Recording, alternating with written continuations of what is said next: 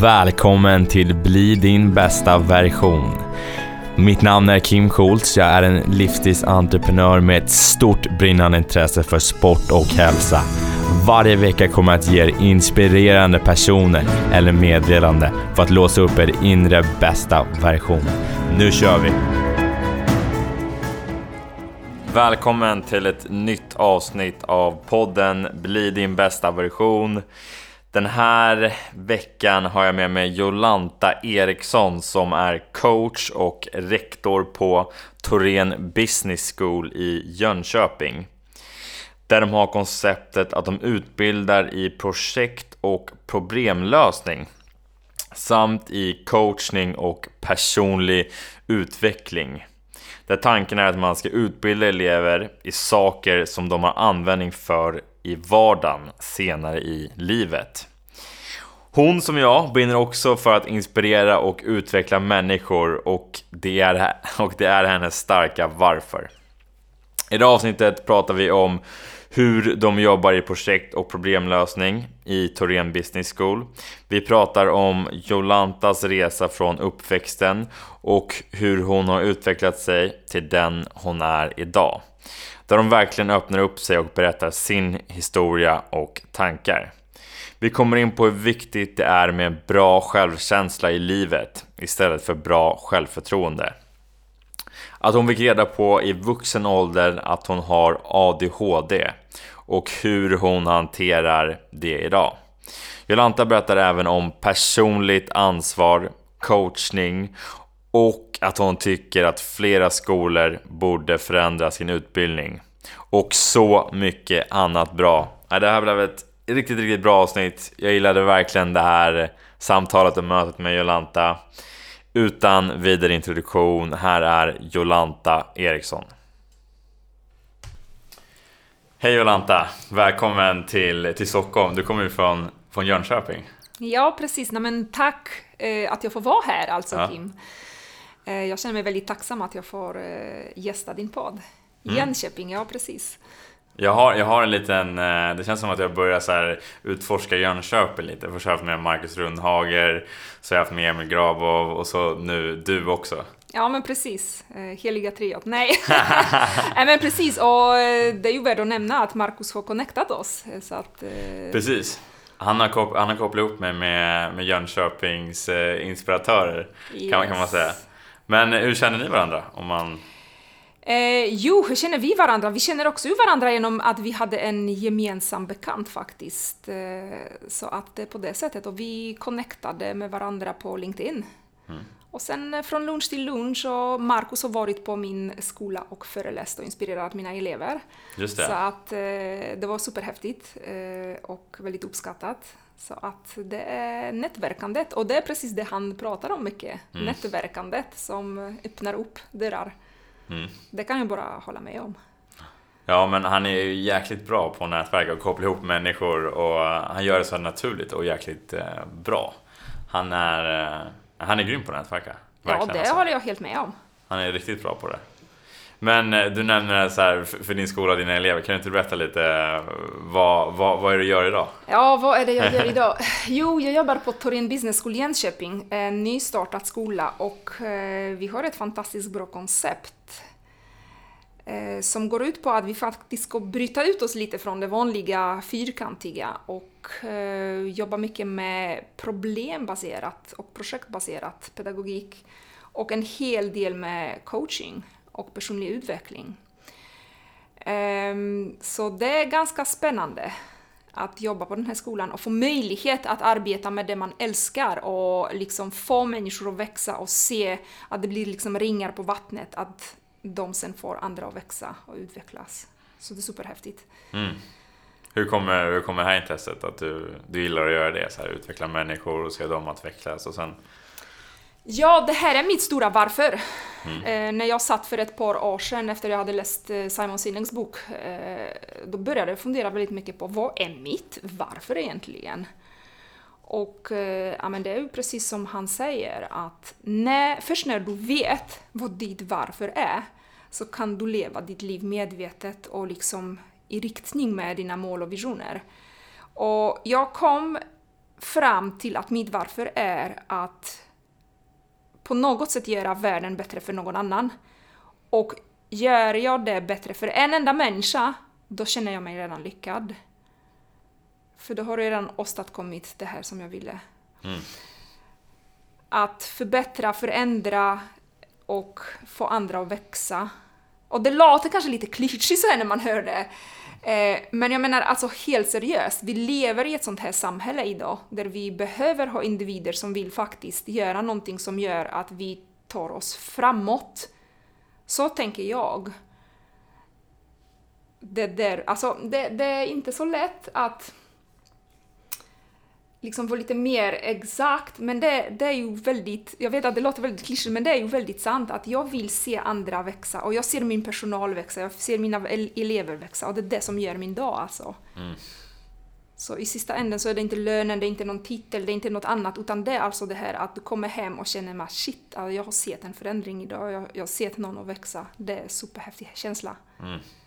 Det där är ju precis mitt, eh, mitt varför också. Alltså så här, har, jag hjälpt, har jag inspirerat någon människa till, till någon förändring eh, så, är jag, så är jag så nöjd. Mm. Eh, och det tycker jag är, som du säger, så här, om alla någonstans förbättrar sig, alltså blir bättre, då kommer ju alla bidra till att samhället blir bättre. Och då, lever, då, då blir ju alltså hela, egentligen, hela samhället och världen blir ju bättre. För om, Mm. om man förändrar, om någon blir bättre, det kan låta klyschigt. Det Mm. förstår jag att folk kanske som lyssnar tänker, fan vad klyschigt det här Ja, låter. precis. Men det skiter jag i. jag, jag, jag tror verkligen på det. Alltså Mm. jag tror verkligen djupt inom det. Det är också liksom, det är verkligen mitt varför också. Ja men Va- gud, det är häftigt, superhäftigt. Ja. Men du snackade om eh, problemlösning också. Ja. Problemlösning och projekt inom, inom skolan. Hur, Mm. Har ni börjat jobba så? Hur, hur kommer det sig att ni jobbar så? Hur, och vad ger det för effekter? Jo, men alltså vi har ju eh, ganska många visionärer i vårt företag och det är ju människor som från början kanske inte ens eh, egentligen kommer från skolvärlden. Och det är ju det som är så häftigt för att då, det ofta krävs någon utifrån för att man ska se hur behöver man förbättra någonting eller förändra för att det ska vara bra. Och eh, mycket i svensk skola och skola överhuvudtaget är väl väldigt teoretisk och man, alltså precis som vi pratade tidigare att eh, du har en bok, du har ett kapitel 1, 2, 3, 4, 5 och du ska liksom lösa eh, vissa övningar eller uppgifter i boken. Fine, sen går du hem, jag har gjort mitt för dagen. Eh, vi utgår ifrån att det är någon från verkliga livet, någon från, alltså utifrån kommer, det kan vara företag, olika organisationer, det kan vara entreprenörer, eh, you name it, som kommer till oss och säger Titta, den här utmaningen har vi. Hur skulle ni kunna hjälpa oss för att lösa den?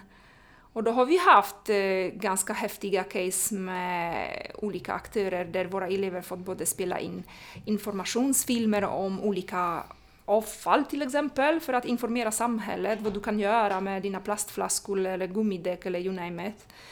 Eh, och istället för att läsa i en bok om hållbarhet, eller hur? Så fick de själva göra research och så skapa en produkt som ska användas sen. Den, ligger alltså på, på webbplatsen till June Avfall och Miljö som är alltså ett eh, kommunalt bolag i Jönköping som eh, har, hand om eh, avfall.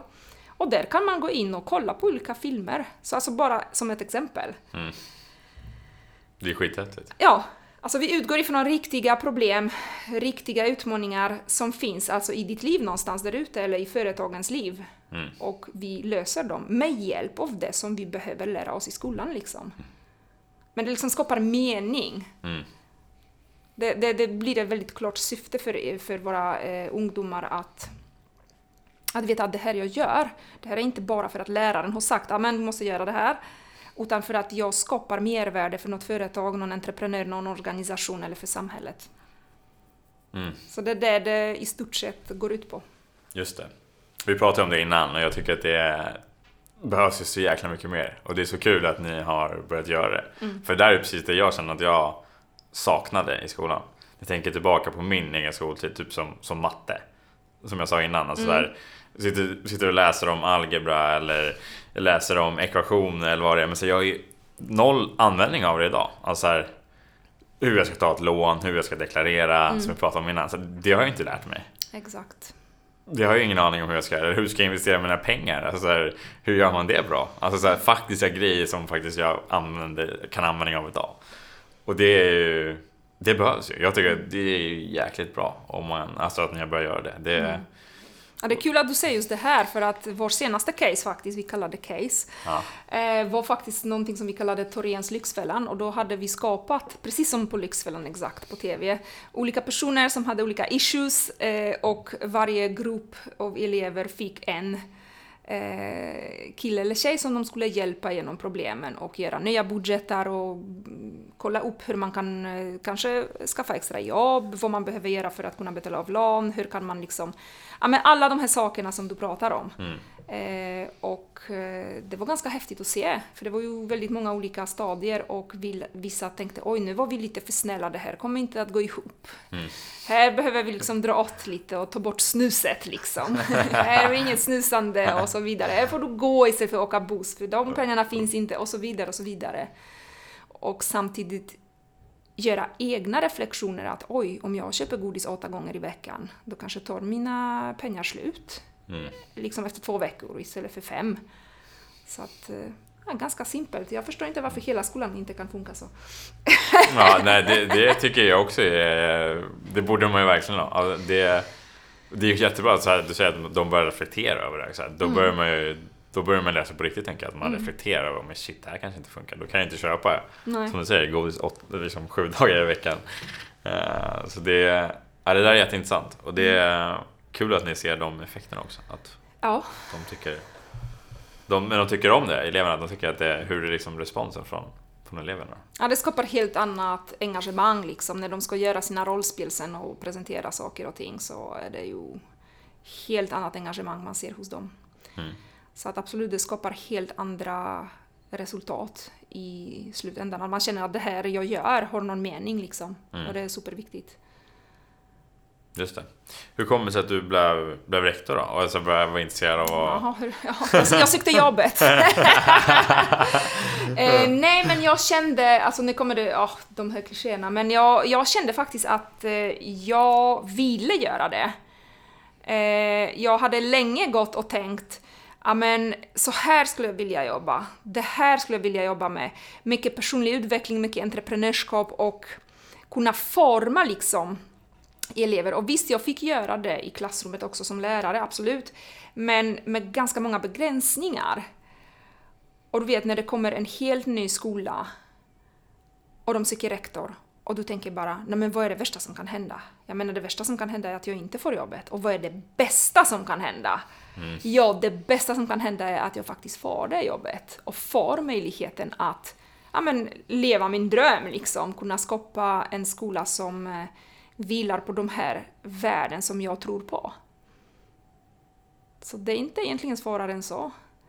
Det låter, jag låter, vet- det låter väldigt enkelt. Det, det säger låter väldigt enkelt så här i efterhand, men, men det är någonstans där att det är faktiskt ett resultat av en lång resa av, precis som vi pratar om, personlig utveckling, att ehm, ja, men, bara våga och söka de här jobben som man kanske för fem, tio år sedan tänkte men det här, det här kan inte jag få, va? mig skulle de aldrig kunna välja, men det finns inte en chans. Att komma till en punkt att säga att Jo, men självklart kan de välja mig. Jag är ju kompetent, jag är taggad, jag är lite loco. Det är ju det som behövs liksom. Lite annorlunda. Liksom. Ja, men precis. Ja. Vad, om man, du säger personlig utvecklingsresan då, om man så här hoppar tillbaka lite då. Mm. Hur, hur var det, du nämnde lite nu tidigare att du, du kanske inte hade gjort för tio år sedan då. Nej, precis. Alltså det är ju en ganska spännande resa som eh, saligt nog liknar ganska många andra resor som jag har ju hört, både i din podd och andra poddar och andra människor berätta. Att man länge går och överhuvudtaget inte tror på sig själv. Att man känner sig som en bluff. Att man tror att ja, men alla andra kan bättre, vet bättre, är finare, snyggare, starkare, smartare och alla de här grejerna. Och, um, och må dåligt egentligen av detta och känna sig väldigt begränsad. Och sen komma till en punkt där man bara känner att det går ju inte längre så här. Jag kan ju inte leva mitt liv så här på detta sätt att, att känna mig eländig liksom.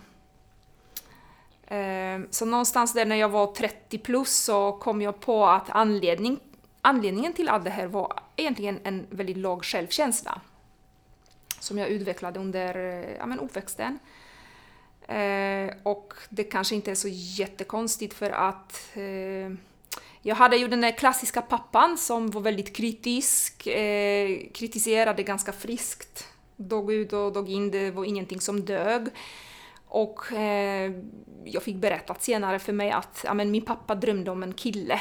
Så jag var ju den här besvikelsen som kom istället. Mm.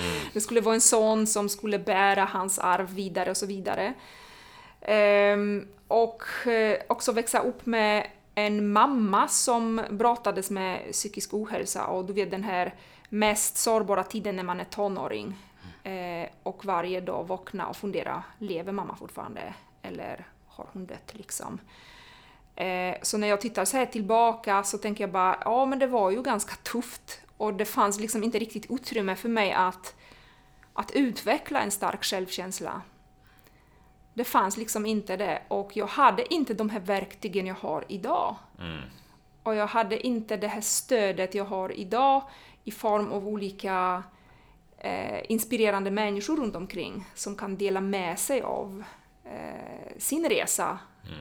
Utan man var väldigt ensam egentligen. Eh, men det här kan man förstå först när man tittar tillbaka på, på sin uppväxt. Liksom. Eh, och jag hade ju hela tiden den här ambitionen att söka mig ja, men, högre upp, högre upp på steget. Liksom, och, eh, och då siktade jag mig alltid till miljöer där det faktiskt fanns människor som kom från välbärgade hem och föräldrar mm, som hade typ studietraditioner och sånt. Och då förstärktes ju ytterligare den här känslan av utanförskap och att man inte duger. Eh, men då förstod jag inte riktigt det här att jag ökar bara kontrasten hela tiden och då därför mår jag ännu sämre, ännu sämre. Eh, men ändå samtidigt så hade jag jäkla bra självförtroende. Mm. Och det är det som är så här att, att, att folk ibland när man pratar liksom med människor så tänker jag bara va, men du har ju vågat göra det och det och det och du har utbildat dig och du har flyttat till ett annat land och du har rest dit och så. Hur kan du säga att du har dålig självkänsla? Mm. Eh, och då tänker jag bara, wow, vad bra jag var på att bära den masken. Mm. Det är oftast det man gör, sätter på sig en mask. Ja. Eh, och eh, den bar jag på ganska länge. Men eh, när man väl kraschar, som de flesta gör, det är ju också så sorgligt att man måste nästan få, som jag brukar kalla det, cancerdiagnos. Mm. Alltså, ja, innan, innan, man reagerar. Innan man, nej, ah, shit, alltså nu måste jag förändra något va. Ja. Eh, och jag självklart gick in i den här klassiska vägen. Mm. Och inte en gång utan typ tre gånger. Eh, och någonstans där började just den här resan till att tänka, men hallå, det här är ju helt fel, jag kommer ju dö om jag fortsätter så här. Eh, och liksom söka sig till svar på hur kan jag få mig att må bättre? Och den vägen var ju oerhört, oerhört komplicerad och, och liksom eh, bumpy som jag brukar säga det, för att du vet när du går till läkare så säger de ah, men här har du piller, varsågod, det är stämningshöjande, lite, får man lite jag vet inte vad man får nu för tiden, men lite Cipralex eller Zoloft eller Sertralin eller vad det nu är. Mm. Och så får du gå tio gånger hos en psykolog och så får du gå någon kurs i andning hos sjukgymnasten och sen är det bra, sen är du liksom, det, det är fine va? Mm. Det är det som behövs för att du ska ja, må precis, bra. Det är, liksom, det, det, är programmet. Ja, det är programmet, precis. Framgångsrecept. Och ja. sen så gör man det och så visar sig bara, eh, nej, nej, det, det funkar ju inte. Eh, varför funkar det inte på mig? Vad är det för fel på mig? Det borde ju funka. Jag borde vara ju helt eh, fixad, nu, lagad, ny. Men det är ju inte så. Så att jag började liksom typ läsa olika böcker, gå olika kurser, gå på olika föreläsningar och någonstans där till slut väcktes tanken att jag själv vill bli coach och coacha folk till eh, eh friskare och bättre liv. Eh, så resan har varit väldigt lång, men jag måste säga så här, för det är ju någonting som jag tror nog underskattas ganska mycket. Att väldigt många människor tänker sig att ah, jag ska själv. Jag ska själv. Jag ska göra själv allt. Eh, alltså det var först när jag tog alltså hjälp från andra proffs. Det var först när jag själv anlitade en coach, det var först när jag själv anlitade en PT eller en simlärare som jag började se resultaten. Mm. Så alltså du kan läsa ihjäl dig på de här böckerna eh, och du kan gå på hur många inspirerande föreläsningar som helst. Men det är först när du har en som är verkligen, nu är vi här tillsammans och nu gör vi en plan och så här ska det gå. För jag menar, jag skulle aldrig simma den här extra 25an eller 50an om inte min coach Paula stod där och sa jo, jo, alltså jag höll på att alltså, syra i benen och du vet, man det, det, det svider i lungorna och så. Nej, du pressar dig aldrig själv så va. Mm. Och samma sak, jag hade typ ett problem som jag brottades med i 13 år. Och så anlitade jag en coach och typ två samtal. Så här, nu knäpper jag med fingrarna. så här snabbt gick det. Ja. Det är häftigt. Ja, det, alltså, alltså, det alltså, jag bara sitter här och tänker bara, alltså, wow. Men så var det faktiskt. Nej men alltså det där är, jag tror på det också. Jag har varit med om liknande grejer. Jag Mm. berättade om den här kursen som jag gick. Jag berättade om ja, men det som hände. Jag fick upp att jag inte kunde ta feedback och det landade rätt så här mycket i min pappa, min relation till Mm. honom, att jag inte kände att jag dög och så. Och det var ju också två dagar liksom. Ja. Så insåg jag det. Och så tänker jag att du kan gå hela ditt liv och liksom brottas med det ena eller det andra. Ja. Och så kan någonting sånt komma och bara förändra allt på en väldigt kort tid. Och det jag känner mig... Alltså jag känner nästan det är lite olustig känsla när jag tänker det att tänk hur många människor som går så här hela sitt liv och aldrig kommer till den här stunden som vi har kommit till att den här föränd- förändringen kan ske. Oj, tänker jag bara, uff, Ja exakt. Ja, det, finns, eh, exakt. Det är många som inte tar den hjälpen. nej. Det är, och det är verkligen synd att man lever kvar i gamla mönster och gammal smärta och inte gör någonting åt det. Utan man bara låter det bli ens vardag. Nej, det är häftigt att du också säger att de, de, jag tror många, där har jag också varit så här i de, de tankarna så här, om jag ska göra allt det här själv. Alltså här, gå på inspirationsföreläsningar, Ja, läsa precis. böcker och typ så här. Men det är ju genom andra ofta som, du, som du lär dig andra saker. Och man gör oftast bäst i antingen i grupp eller med någon annan. Alltså här, det är så jobbigt att göra allting själv också. Det blir en jävla uppförsbacke om man ska försöka lösa allting själv. Nej, men jag håller med. Liksom, det är ju många som har sagt det. Till exempel, det är ju Johannes Hansen till exempel som trycker på det här att du behöver anlita professionellt hjälp. Liksom. Det är först då det blir en sån här speed på din resa. Och det håller jag helt med om alltså. Det, det har jag testat faktiskt. För jag menar, ja, men gör det alla liksom. Ja, men testa en gång. Ja, men lägg en tusenlapp eller femtusen eller hur mycket det är där i det fallet. Och testa. Och Alltså jag vet att ni kommer se resultat, så det är inga problem. Men ifall det inte blir bra, då har ni i alla fall testat och då vet ni och då kan ni säga nej, nej, nej, nej, det här funkar inte. Ja. För jag menar, gå hela livet och tänka bara nej, jag skulle kunna anlita den där coachen eller PTn eller tränaren eller eh, rådgivaren. Nej, men det är lite dyrt. Och så fortsätter man leva i elände så här fem år till och sen så... Och sen får man sin cancerdiagnos. ja, exakt. och så Alltså, går man ändå Ja. och tar hjälp. Ja, men det... Ja, då får, då får man betala mycket dyrare också säkert. Precis. Och du får vänta lång tid också på det. Eh, Det där är intressant för där är också känner jag så här. Det finns ju ett sånt snack. Alltså, Jag jobbar ju själv som coach och det är såhär, men fan vad dyr det är. Typ, så här. Jaha, men är det- dyrt? Så här, men om jag nu kan hjälpa dig, är, är det... Vad är det värt för dig då, om jag nu kan hjälpa dig med det här? Mm, precis. Och det är det som många tänker kortsiktigt där. Som du säger. Att det är, om man tycker att det är dyrt, men vad, så här, vad kan det ge dig i längden då? Alltså, Ja, men herregud. Det är helt sant. För jag menar, folk har inga problem med att gå till frisören och betala 3000 för att färga och klippa håret. Nej, nej, det, nej, det är bara... ja, men, och det, det- försvinner ändå efter- efter ett par, ett par veckor. Och här kan du få någonting, precis som du säger, alltså som förändrar ditt hela liv. Ja. Eh, men eh, ja. Ja, det låter lite halleluja just nu. Jag, jag är medveten om det. Men det är ju faktiskt halleluja, så det är bara att konstatera. Ja, om, om, man är, om man är villig att Mm. börja och ta det första steget. Absolut. Ja, men jag håller helt med om att ehm, man måste vilja. Mm. Man måste vilja öppna sig för den processen. Vad var det som fick dig då till att vilja så här? Ja, men det är lite som jag säger. Jag tror att jag kom till en eh, liksom punkt i livet där det inte riktigt fanns något annat alternativ.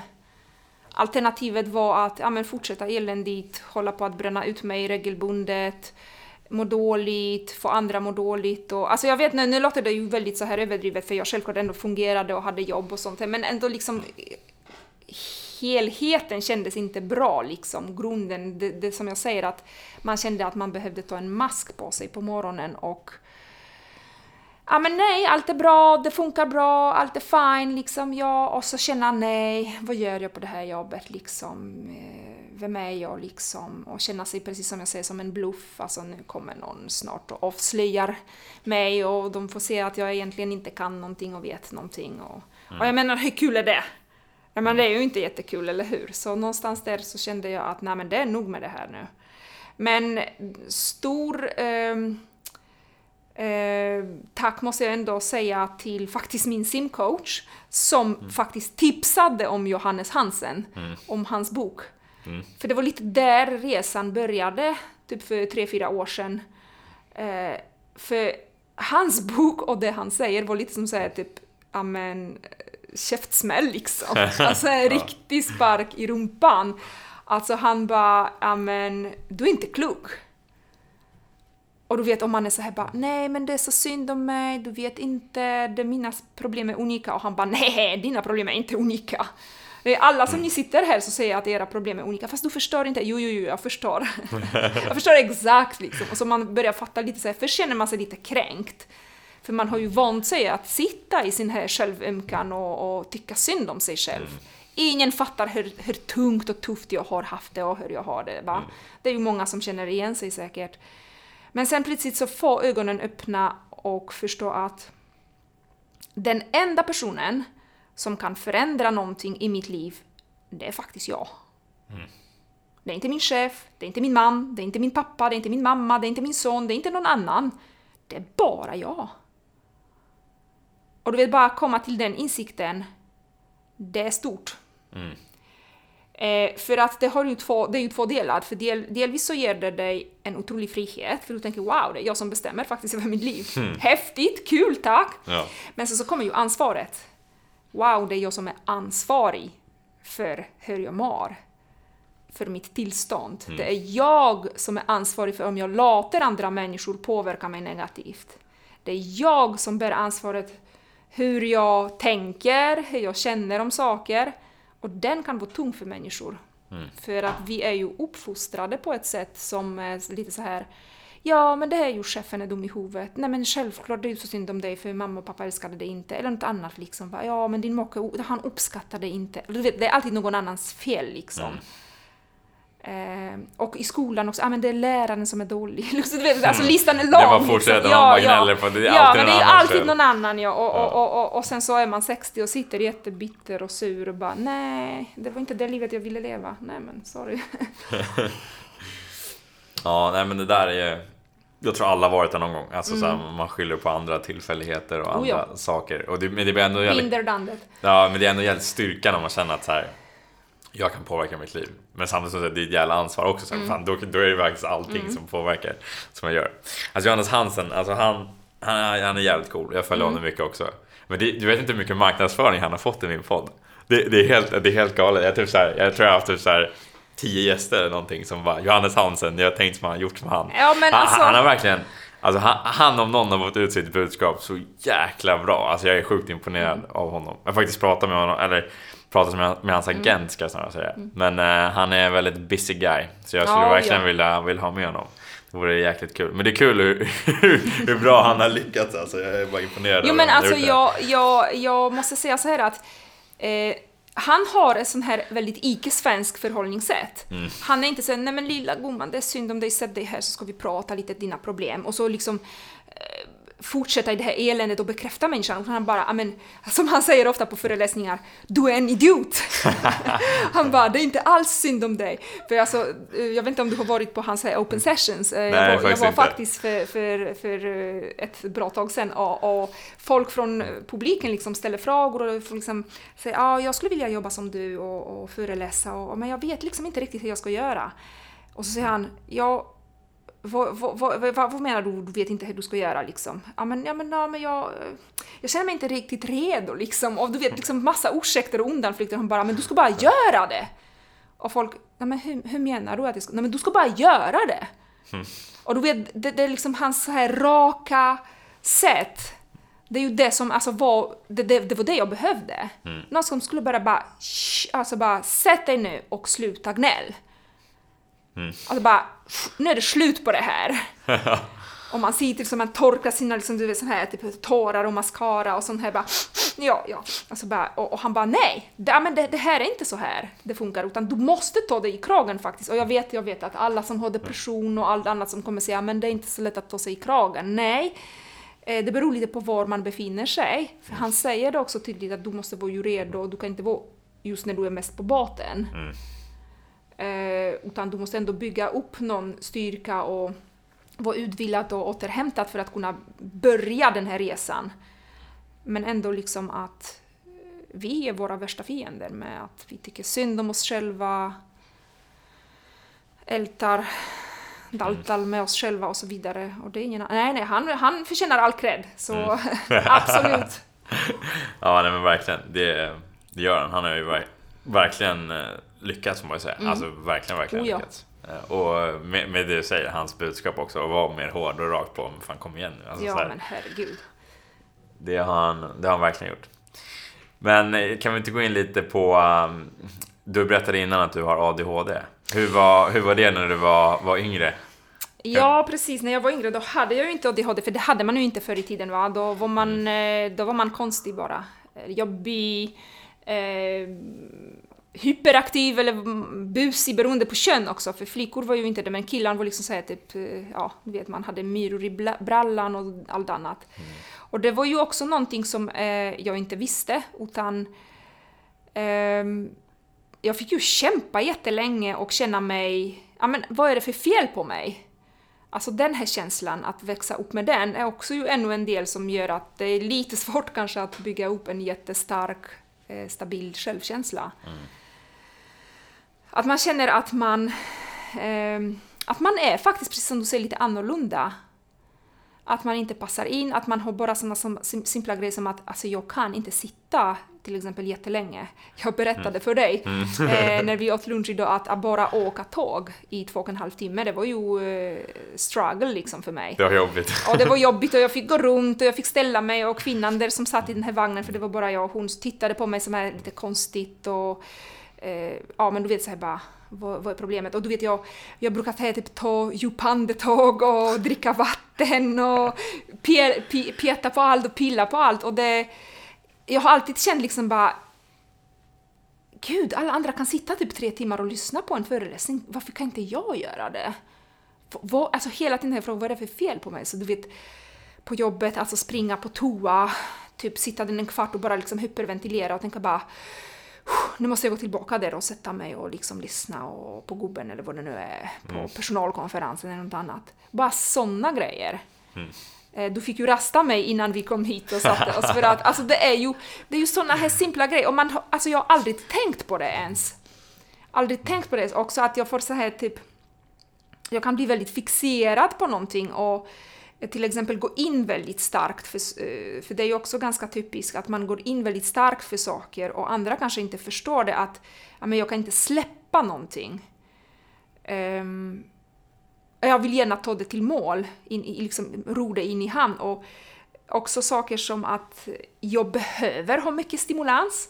Jag behöver ha många bollar i luften och det kan bli ju så här att jag har ofta fått feedback eh, just så här från kompisar att ah, men det är lite för mycket Jolanta. Alltså det blir, du, du är för mycket liksom. Det blir jobbigt. Eh, och jag liksom märkte liksom att folk tycker att jag är jobbig. Att det finns två lägen, att antingen så hatar du mig eller så älskar du mig. Du, du är inte mellanpersonen. Jag, liksom, det jag, jag kan inte riktigt vara på femte våningen, utan det är liksom tionde. Eller så ettan liksom. Och, och liksom, alla de här sakerna hela tiden har förklarats på olika sätt och aldrig har någon förrän först i år nämnt att du, men det här kanske är någon diagnos du har. För jag har ju fått olika diagnoser. Ah, men du är utbränd, utmattad, deprimerad. Det är liksom olika. Men det är ingenting som egentligen har passat. Mm. Och man såg liksom den här stackars läkaren sitta där och tänka, men vad skulle det kunna vara liksom? Va? Mm. Um, och deprimerad har jag aldrig varit och jag har alltid sagt till dem, nej men jag är ju inte ledsen eller deprimerad. Jag är som en pingpongboll. Jag har en popcorngryta i huvudet. Det är det som är... Ja men lite så, du vet, ja, att det poppar det liksom. Det, här, mycket, ja. Mm. ja, det här locket bara så här smattrar uppe så här, du vet så. Mm. Ja, men, men vad kan liksom man få liksom för diagnos? Och när jag var barn, då också gick min mamma med mig till läkaren och då fick jag också någon diagnos av typen att jag hade ja, men, eh, lite ökad sårbarhet, att man var lite överkänslig och lite över, liksom, stressad och, och lite sånt, så fick jag någon där eh, det hette Neospasmina kommer jag ihåg, för det drack jag i flera år nu. Mm. Och det var ju någon där valeriana-baserat läkemedel som skulle lugna ner mig lite ah, så. Okay. Så att jag skulle vara lite lugnare då. Mm.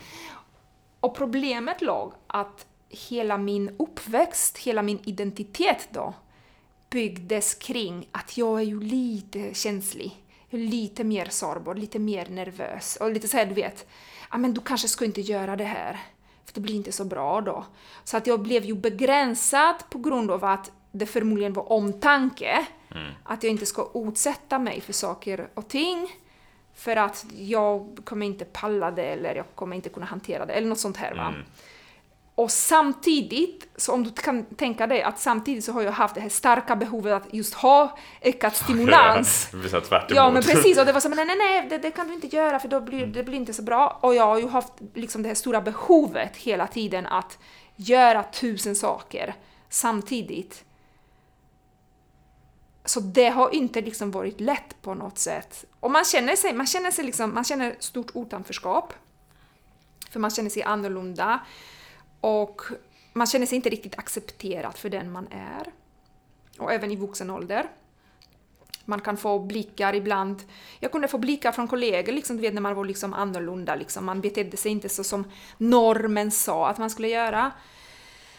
Men det coola är att alla stora entreprenörer jag har hört eh, och alla liksom, eh, personer som jag har verkligen tyckt att wow, vilka coola häftiga framgångar och vilka coola häftiga grejer de har uppnått. De har alltid sagt att jag har haft ADHD, jag har haft lite autism, jag har haft Asperger, alltså du vet, de har alla någon diagnos.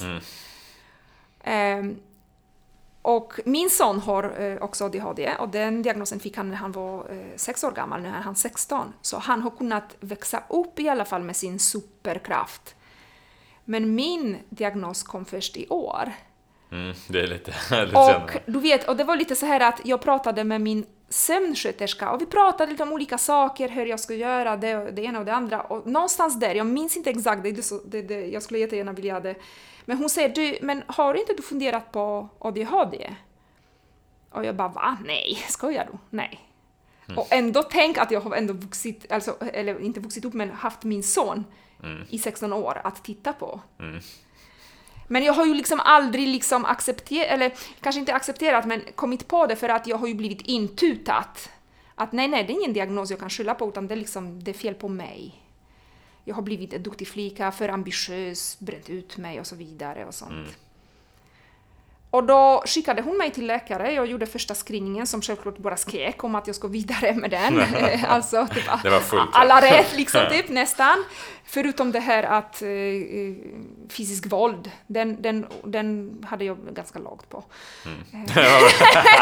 det var bra det. ja men precis, men alla andra saker liksom, alla andra var med. Till och med typ, det var så här typ, uh, har du snattat något när du var ung? Och jag bara, eh, ja självklart har jag gjort det liksom.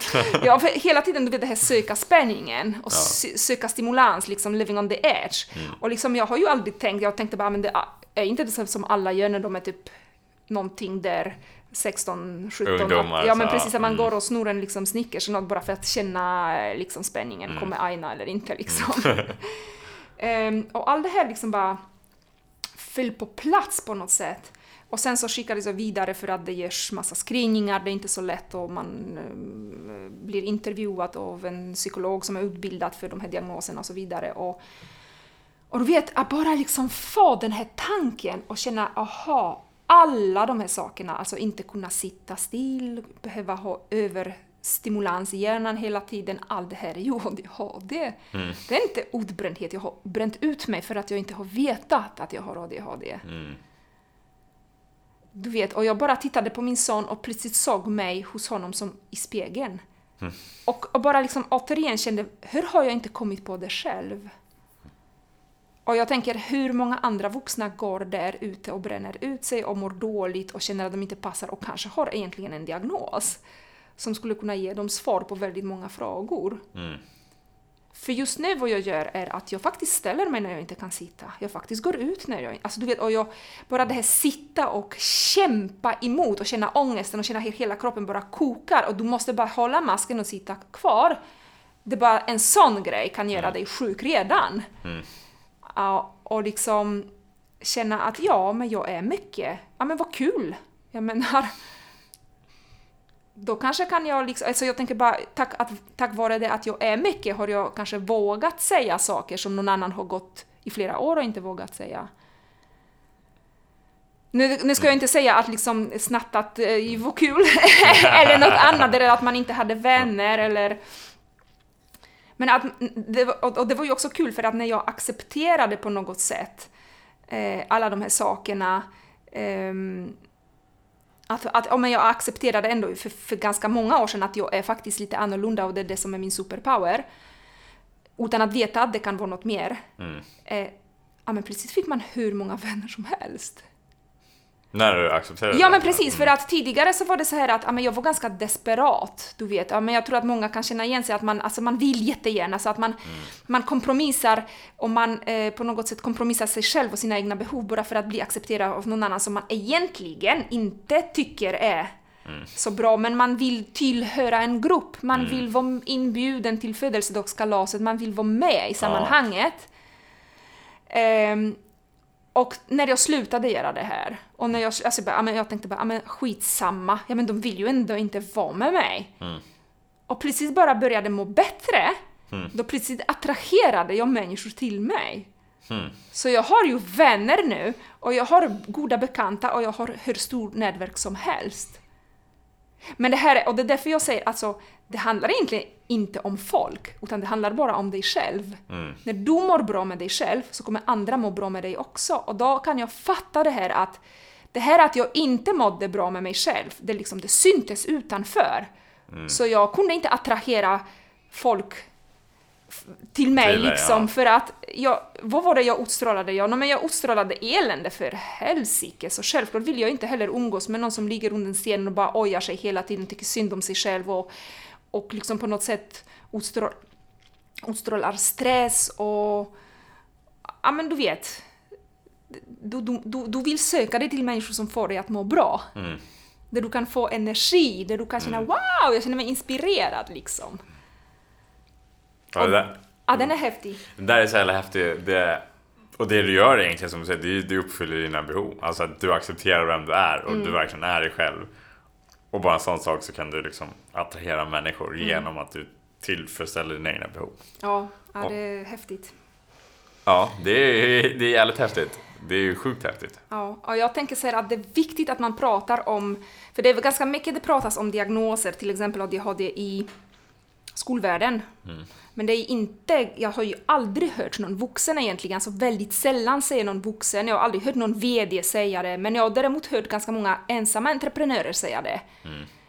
Ehm, men liksom du vet att säga men, ja, men jag är vuxen och väldigt framgångsrik, vad det nu är, att vara framgångsrik, men det här och det här har jag att tampas med. Och det har bara hjälpt mig på vägen, eller det har skapat helt andra förutsättningar för mig och, och jag har kunnat liksom göra saker just för att jag behöver hela tiden sysselsätta mig, jag behöver hitta på projekt. Jag vill dra igång grejer. Det, det skulle jag välkomna verkligen, om fler personer kunde öppna sig på samma sätt som flera män öppnar sig idag om psykisk ohälsa. Ja, det är ju verkligen, Mm. eh, ett, det är verkligen behövs. Och det är jäkligt bra att många börjar öppna upp sig om det. Mm. Det är en sån viktig grej. För att vi män har hållit det inom oss så, så lång tid. Och det tycker jag också som du säger nu är någonting jätte... Jag har aldrig hört det heller. Alltså som du säger, jag har hört entreprenörer säga Mm. det som är ja, entreprenörer, men inte de som är företag. Alltså de som Mm. jobbar i större företag. Säger inte det. Nej, precis. Och jag kan tänka mig att det finns en hel del. Det måste ju finnas. Ja, men alltså, herregud, så här, eller hur? Statistiken säger Ja, att men- det måste Ja, finnas eller- flera stycken. Ja, precis. Det finns fler rektorer som har ADHD, det är jag säker på. Ja. Och eh, det, det är bara häftigt. ja, Det är bara häftigt. verkligen. För, för om du tittar på världen utanför, om du ser vad vi så att säga gråa människor eller vanliga människor attraheras av och dras till så är det just det här annorlunda. Eller hur? Ja, ja, exakt. Man drar sig för det här är inte Alltså, jag. för- så vill man nej, bara, precis, fan, just det här är häftigt, Liksom. mm, häftigt, annorlunda, färgglatt, liksom, mm, spännande, exotiskt. Mm. Det är ju det vi vill se egentligen. Så varför fördöma det liksom? Ja, exakt, varför förtrycka den sidan Nej. som man har egentligen? Precis. Då är man ju inte sig själv tillbaka liksom. Då är man ju inte... Då, då förtrycker man ju lite sig själv hela tiden. Nej. Tror jag i alla fall. Men hur har du... Hur var det när du fick reda på det då? Alltså var det så att det bara tändes en lampa och var... Nej, alltså det, jag liksom bara så här, på något sätt föll bitar på plats som jag sa till dig. Mm. Jag plötsligt förstod väldigt mycket. Att jaha, ja men det här, det här och det här kan jag koppla liksom. All, all, alltså, det var den här saknade diagnosen. För alla andra tidigare saker som man har fått, precis som jag sa, det passade inte riktigt in. För du vet, varje gång du får den här, ja du är deprimerad, men jag har aldrig varit deprimerad i mitt liv. Liksom. Jag har alltid bara velat vara frisk och må bra och greja, leva, liksom, eh, ha spännande jobb och liksom resa världen runt och sånt. Och du vet att man får frågor av typ, den första frågan man får är såhär, vill du ta livet av dig? Jag bara nej, nej. Jag, jag har aldrig velat ta livet av mig. Utan jag har alltid velat leva livet liksom. Eh, och det är därför jag har ju liksom också gått och funderat på hur har de kunnat ställa en sån här diagnos? Och hur många, hur många människor i samhället har diagnos eh, depression? För jag tror inte att det finns eh, den här diagnosen utmattning längre, utan man får depression eller något sånt här. Mm. Eh, och de är egentligen inte deprimerade, men du får en stämpel. Ja, jag är ju deprimerad. Mm. Ja, det är mörkt. Ja, det är svart. Ja, jag mår ju inte så bra va? Ja, jag måste ta något stämningshöjande. Och så dricka kanske lite sprit också på det hela. Och helst lägga mig i sängen och dra täcket över huvudet och titta på Netflix, eller inte titta på Netflix heller. Utan lyssna på någon så här riktigt eländig musik också, du vet såhär. Låtar som är så bara, åh det är så synd om mig. Ja. Jag vet inte om det är Håkan Hellström eller vem man ska lyssna på då. Del Kent kanske. Ja, kanske Kent, ja men precis. Eh, ja. Nej. Nej, det där, är- det där kan jag tänka mig. Eh, Att många, ja, så här, det kanske inte är, vad är deprimerad? Och Så här, vad är definitionen av det? Mm. Och det som du säger tycker jag, som, som jag jobbar mycket med och så här, Tom Robbins pratar jättemycket om, det är världens, alltså tillfredsställa sina behov. Veta vad de är. Ja, det tror jag precis. mycket. Att man, tillfredsställer man inte sina behov så då, då förtrycker man sig hela, hela tiden. Mm. Och får man dem inte uppfyllda så då mår man inte bra. Ja, det är häftigt att du säger det, för att det är ju väldigt ofta eh, det är väldigt ofta det här som kommer fram faktiskt i, coachingen, att eh, kom, folk kommer på att det de håller på med, liksom, alltså det de jobbar med eller det sättet på vilket de lever, det är inte deras liv de lever. För att jag ställer oftast den här frågan, vad handlar det om egentligen? Alltså typ någon säger, ah, men jag skulle jättegärna vilja ha det här jobbet. Ja, okej, coolt, varför söker du inte då? Nja, ja men jag vet inte riktigt. Ah, jag känner mig trygg i det jobbet jag har nu, jag vet inte om jag får det, bla bla bla. De är rädda för misslyckandet egentligen. Så vad handlar det om egentligen? Jo, men jag är rädd att jag inte får det jobbet och jag känner, kommer känna mig misslyckad. Okej, men vad handlar det om egentligen? Jo, jag är rädd liksom att känna mig misslyckad, jag kommer ha dålig självkänsla eller något sånt här. Så att oftast är det så här, ja, jag, vill, jag vill ha det här huset i det här området. Men varför det? Ja, men är det för att du vill verkligen bo där? Eller för att du vill att folk ska se dig som en viss person som bor där? Att du ska ha vissa eh, attributer kopplade till dig. Och vad handlar det om egentligen? Att du inte tycker att ditt liv duger idag? Eller är det så att du inte tycker att du duger egentligen idag? Och, så liksom, och ju, ju fler personer jag träffar, desto mer kan jag säga att det finns bara ett problem i världen. Vad är det då? Och ja, precis. Och, och, och, det, och, det är liksom, och det vill jag uppmuntra alla faktiskt att, att verk, verkligen testa på sig själva. Och det problemet är alltså låg självkänsla. Mm. Det mesta alltså elände är orsakat av dålig självkänsla. Att man behöver förtrycka någon annan, även om vi tar krig i världen, alltså på riktigt, man kan ta det så pass långt. Då handlar det om att du vill känna dig bättre än någon annan för du känner dig inte tillräckligt bra. Ja, ja. Ja, men det, är ju- det är ju, det är ju ja. bara det! Ja, det är, det är verkligen. Det grundar ju Det sig är i inget annat liksom. Eh, och eh, jag träffar jättemånga människor som om du skulle tycka, alltså titta utifrån så tänker jag bara wow vilken karriär, alltså du vet. Fantastiskt! framgångsrik Ja, verkligen, du tittar bara så jätteframgångsrika, rika, och de känner sig super tomma och de känner sig liksom, precis som jag sa tidigare, som en bluff. Mm. Som ska bara, någon ska bara ska slå hål på och bara som en ballong bara puff, och luften ska gå ur. Och det är jättetragiskt. Eh, för att man bygger liksom en hel... Alltså man by- bygger ett sken av ett liv och inte ett liv. Och ofta gör du saker precis som du har sagt, alltså Kim. Du gör inte saker för du tycker de är bra. Eller du vill göra dem för att det är dina behov. Utan du gör det för att du tror att samhället förväntar sig att du ska göra så här. Du ska utbilda dig, du ska sälja för en miljon eller två miljoner, tio miljoner, du ska ha, alltså du vet, ha en vit villa, eh, vit Volvo eller vad, vad det man ska ha, och så två barn, pojk och flicka. Alltså du vet, så bara, jag bara, är det det du vill verkligen? Är det du som vill det här? Är det någon annan som vill det? För om svaret är ja, det är det jag vill, så är det fine va? Så är det fine, men vad är det du skulle, ah, men jag skulle vilja bli marinbiolog. Ja, okej. Eh, varför gör du inte det? Nej, men min mamma sa att det här var inte riktigt bra, där pappa sa att jag kan inte försörja mig på det här, så jag liksom övergav, övergav den drömmen. Jag bara coolt, du har bara ett liv, så coolt att du har lyssnat på morsan och farsan vad du ska göra med ditt liv då. och si, då sitter du i din... Ja, men det låter ju lite så här hemskt, men, Men det väcker ju men, tankar. men det är ju så det är liksom Ja. va. Ja, men det är jättemånga som lever sitt liv genom, som du säger, normer och genom Mm. föräldrar och vänner och samhället. Tyvärr. Och, och det här framgången fortfarande i vårt samhälle är pengar. Mm, ja, exakt. Det är ju det som man mäter med, pengar.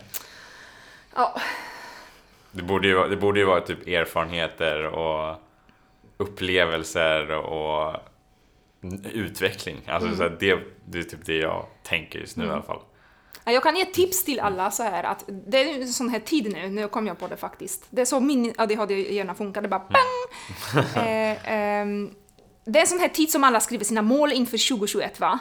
Alla skriver vad de vill och inte vill och sätter mål. Och sätta mål är superbra, jag tror helt hundra på det, du ska göra. Men jag vill att liksom man kan göra en utveckling av de här. När du har skrivit dina 10, 20 eller hur många mål du har, så ställ dig frågan till varje mål. Varför vill jag detta?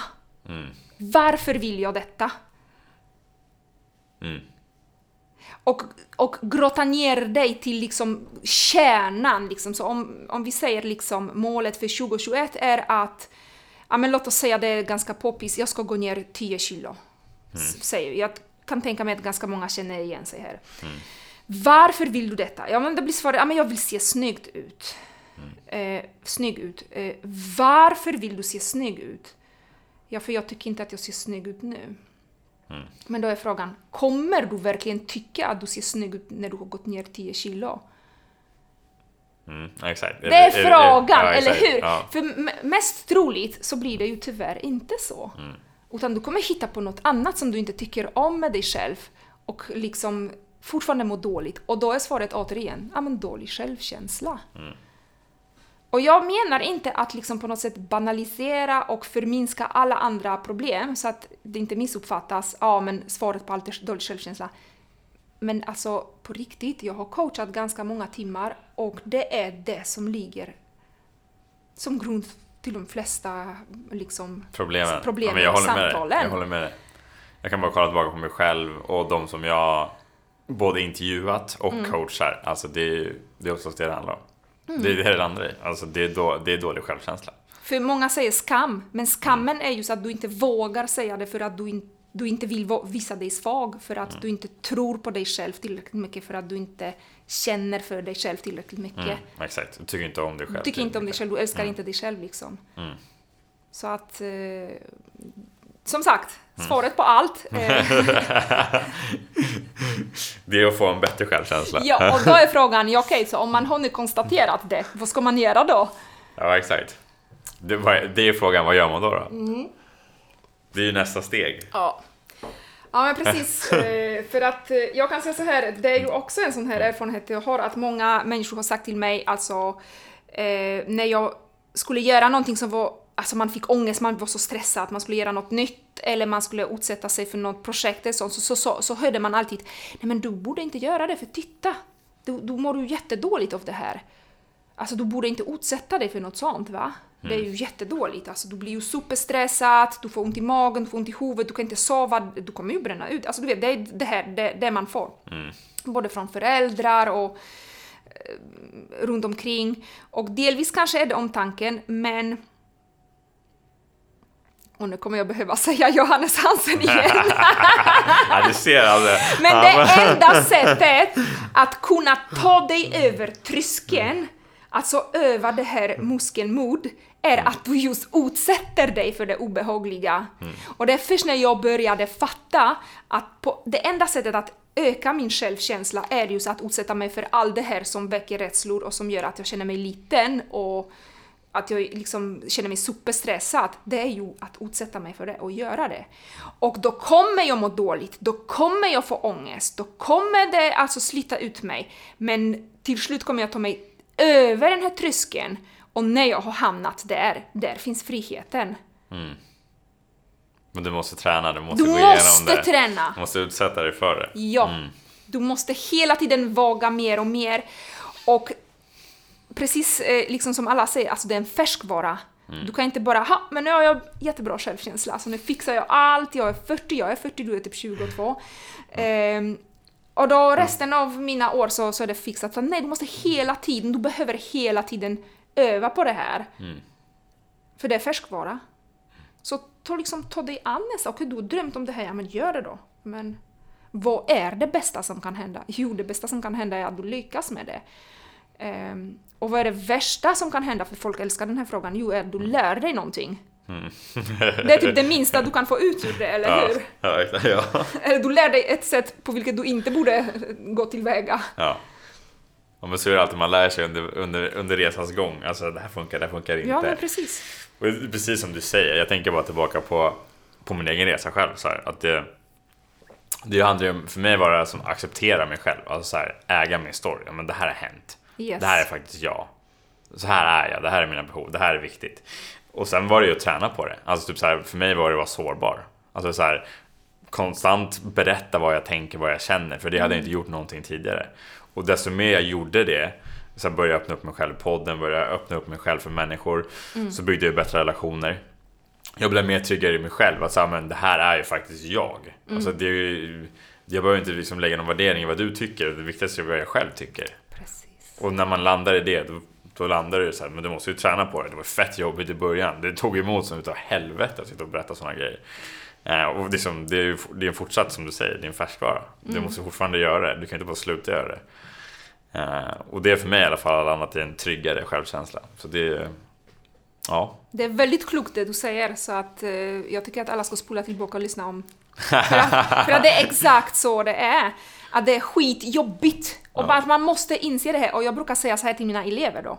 Det är först när du tycker att något är jobbigt, då vet du att du utvecklas. För om någonting är lätt, då kan du det redan. Då, då, då får du ingen mervärde. Det, du ska nästan söka dig till situationen som känns utmanande, jobbiga, stressiga, för då, det vet, då vet du det är bästa kvittot på att du utvecklas, går framåt och liksom utökar liksom ditt liv, så att säga. Kunskap, förmågor eller vad det nu kan handla om.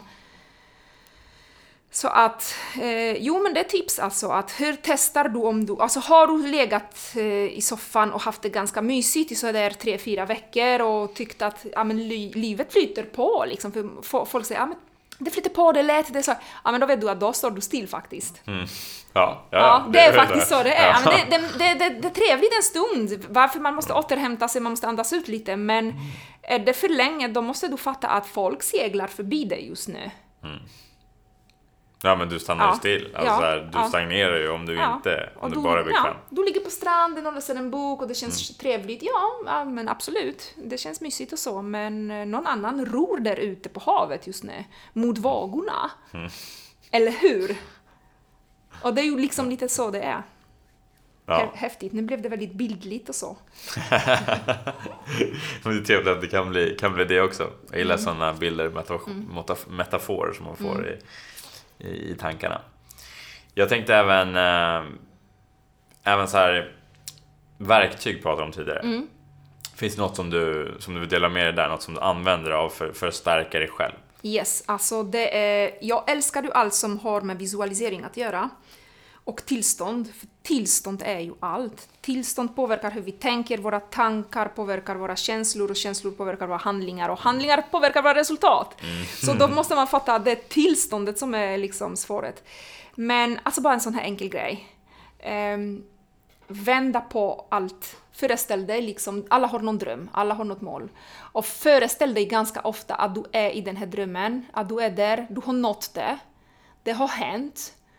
Um, du har det här huset vid havet, eller du har det här jobbet du vill, eller du har den här kroppen, eller du har en familj, alltså vad det nu är det handlar om. Du har skrivit den här boken, du har eh, vunnit den här tävlingen. Och sen, sen fortsätter du att vara där, men vänd dig bakåt och tittar nu alltså baklänges. Du tittar baklänges. Vad är det här sista som du behövde göra för att vara där i mål? Och så tar du ett steg där, så att du går baklänges.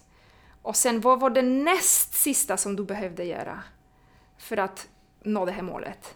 Istället för att, för väldigt ofta så börjar människor alltså härifrån, där jag är nu, mm. från nuläget. Och mm. då är mål, liksom, önskade läget, det är så långt ifrån mm. så att vi tappar ju motivationen på vägen, för, för det är ju helt ouppnåeligt. Men alltså var där i den liksom lyckade liksom stunden, i det här lyckade tillståndet och vänd bara tillbaka och gå baklänges så kommer du få en hel plan. Mm. Det är så häftigt. Det, det verktyget heter faktiskt Attraktiv framtid. Mm. Och det vill jag rekommendera alla som har ett klart mål att bara vända sig och gå baklänges. Mm. Ja, det är superhäftigt. Ja, jag har aldrig hört den faktiskt. Den, ah. den, den, ska jag, den ska jag testa alltså.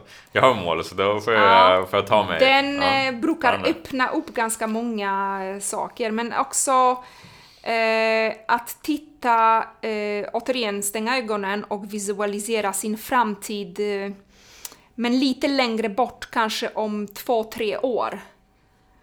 Eh, för jag har människor som kommer ofta till mig och vill bli coachade och säger att ah, det här och det här skulle jag vilja men det går inte för den säger det eller något sånt här. Alltså jag är osäker, du vet osäkerhet. Jag vet inte vad jag vill egentligen. Mm. Och då säger jag men, ja, men då lämnar vi nutiden och så föreställ dig var är du om fem år? Och det är ganska häftigt för ganska ofta så folk, folk får ganska stora aha-upplevelser. Mm. Och sen när de har liksom varit där och öppnar ögonen och så tänker de bara det var inte alls det jag trodde att jag ville. Mm. Det var inte alls det jag trodde att jag ville.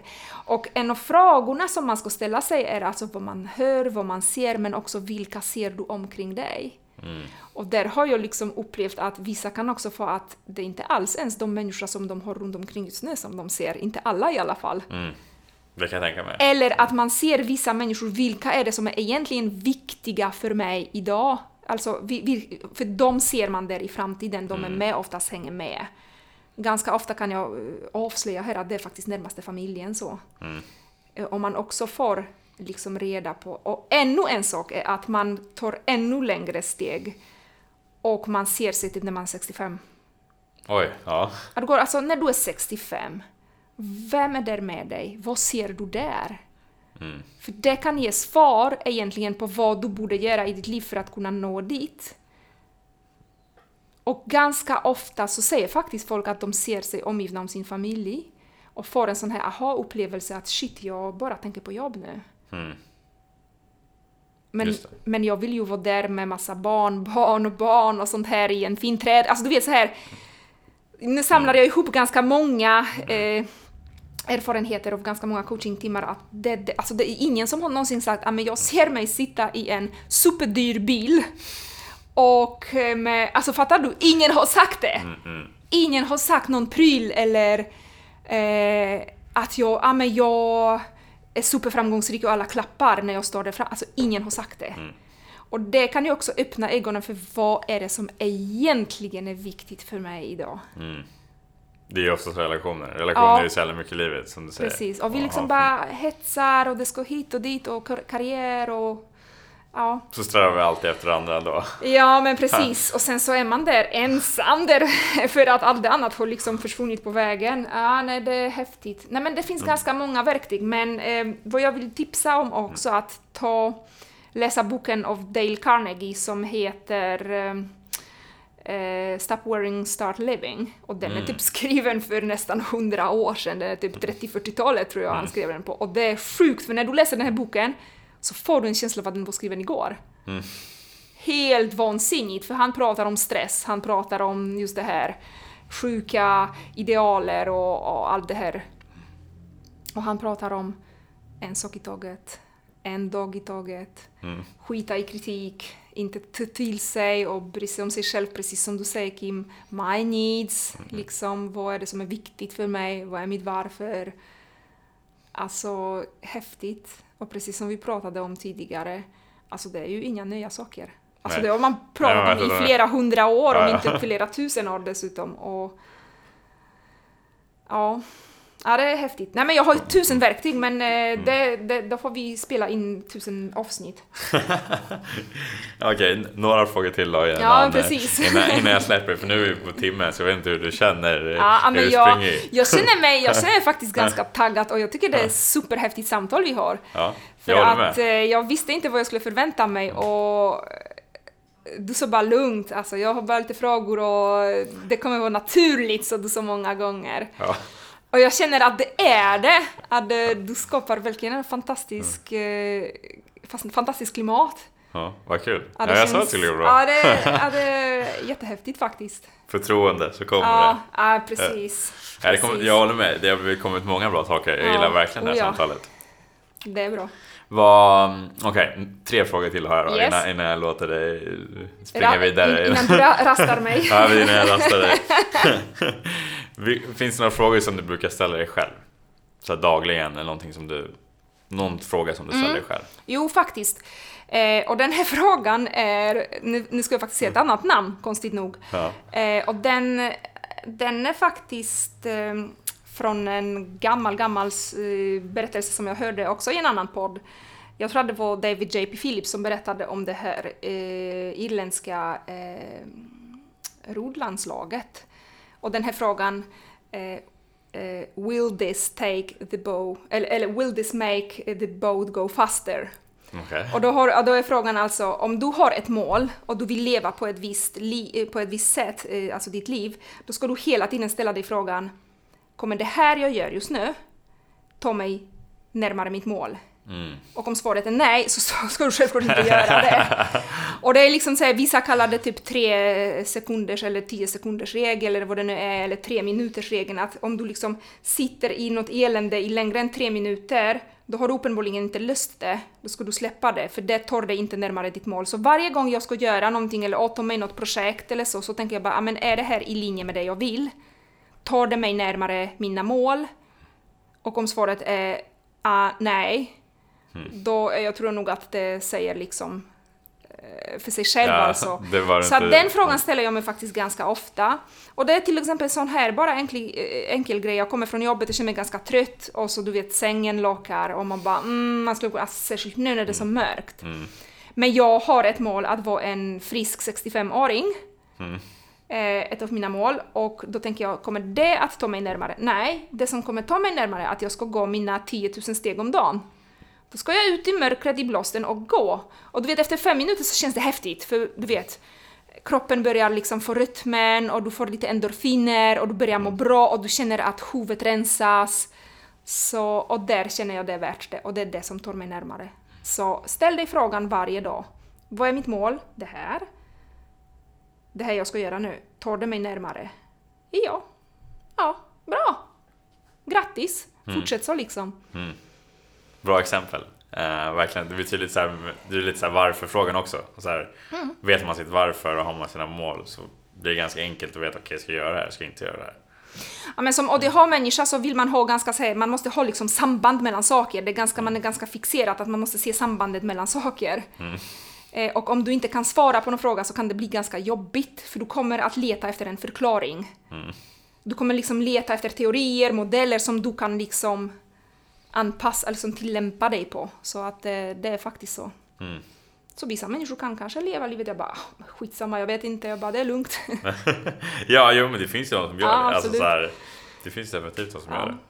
Men oftast då så lever man, tänker jag, då äger man inte sitt liv utan då är det någon, kanske någon annan som äger ens liv. För då går man med på massa saker. Om Mm. man inte är tydlig med sitt varför och sina värderingar. Då gör man lite Ja. höger och vänster, tänker jag i alla fall. Eller ditt, ditt varför kan vara så här att jag ska ha det så enkelt i livet och så lätt i livet med allt som möjligt. Och då får jag, frågan, får jag låta frågan bestämma över allt så.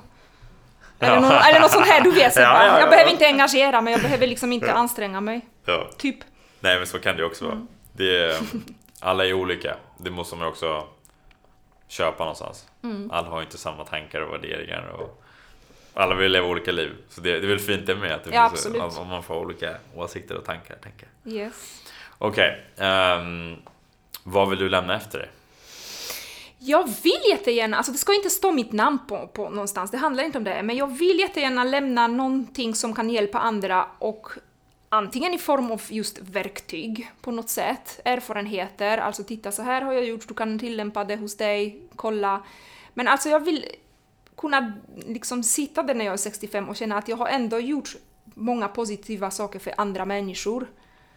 Och ärligt talat, nu, nu, låter det ju så här, men jag skulle vilja starta den här revolutionen just i skolsystemet där man faktiskt börjar förankra skolan i verkligheten. Och att man inför sådana här ämnen som till exempel personlig utveckling, alltså att man förstår vikten av det här. Jag menar, halva samhället mår skitdåligt. Ja, men då uppenbarligen gör vi något fel, eller hur? Jag menar så att så, sådana saker intresserar mig. Och då jag menar inte att jag ska få något så här Nobelpris och att mitt namn ska stå någonstans på någon där, jag vet inte, eh, staty eller så. Det är absolut inte det, utan känslan, att kunna dö med känslan att jag har bidragit till att det faktiskt har skett en förändring i rätt riktning. Och det som är så häftigt är att träffa sådana människor som du och många andra som har faktiskt samma varför. För det känns som att den revolutionen är lite startad, men jag vill nischa den lite mer till skolan. Mm. Eh, för att... Eh, ja, så det är lite min dröm så. Får vi se om det, vad det blir av det. Men det blir nog, jag förutsätter framgång, så det blir nog av det. Häftigt. Jag, jag är med. Ja, absolut. Jag, jag håller upp handen. Jag, Ja, jag, jag, det här har varit en... Den, varit liksom, den berör verkligen mig, den frågan. Mm. Jag eh, kände att skolan inte riktigt var anpassad för mig. Eh, fick rätt många tuffa grejer i skolan. Dyslexi.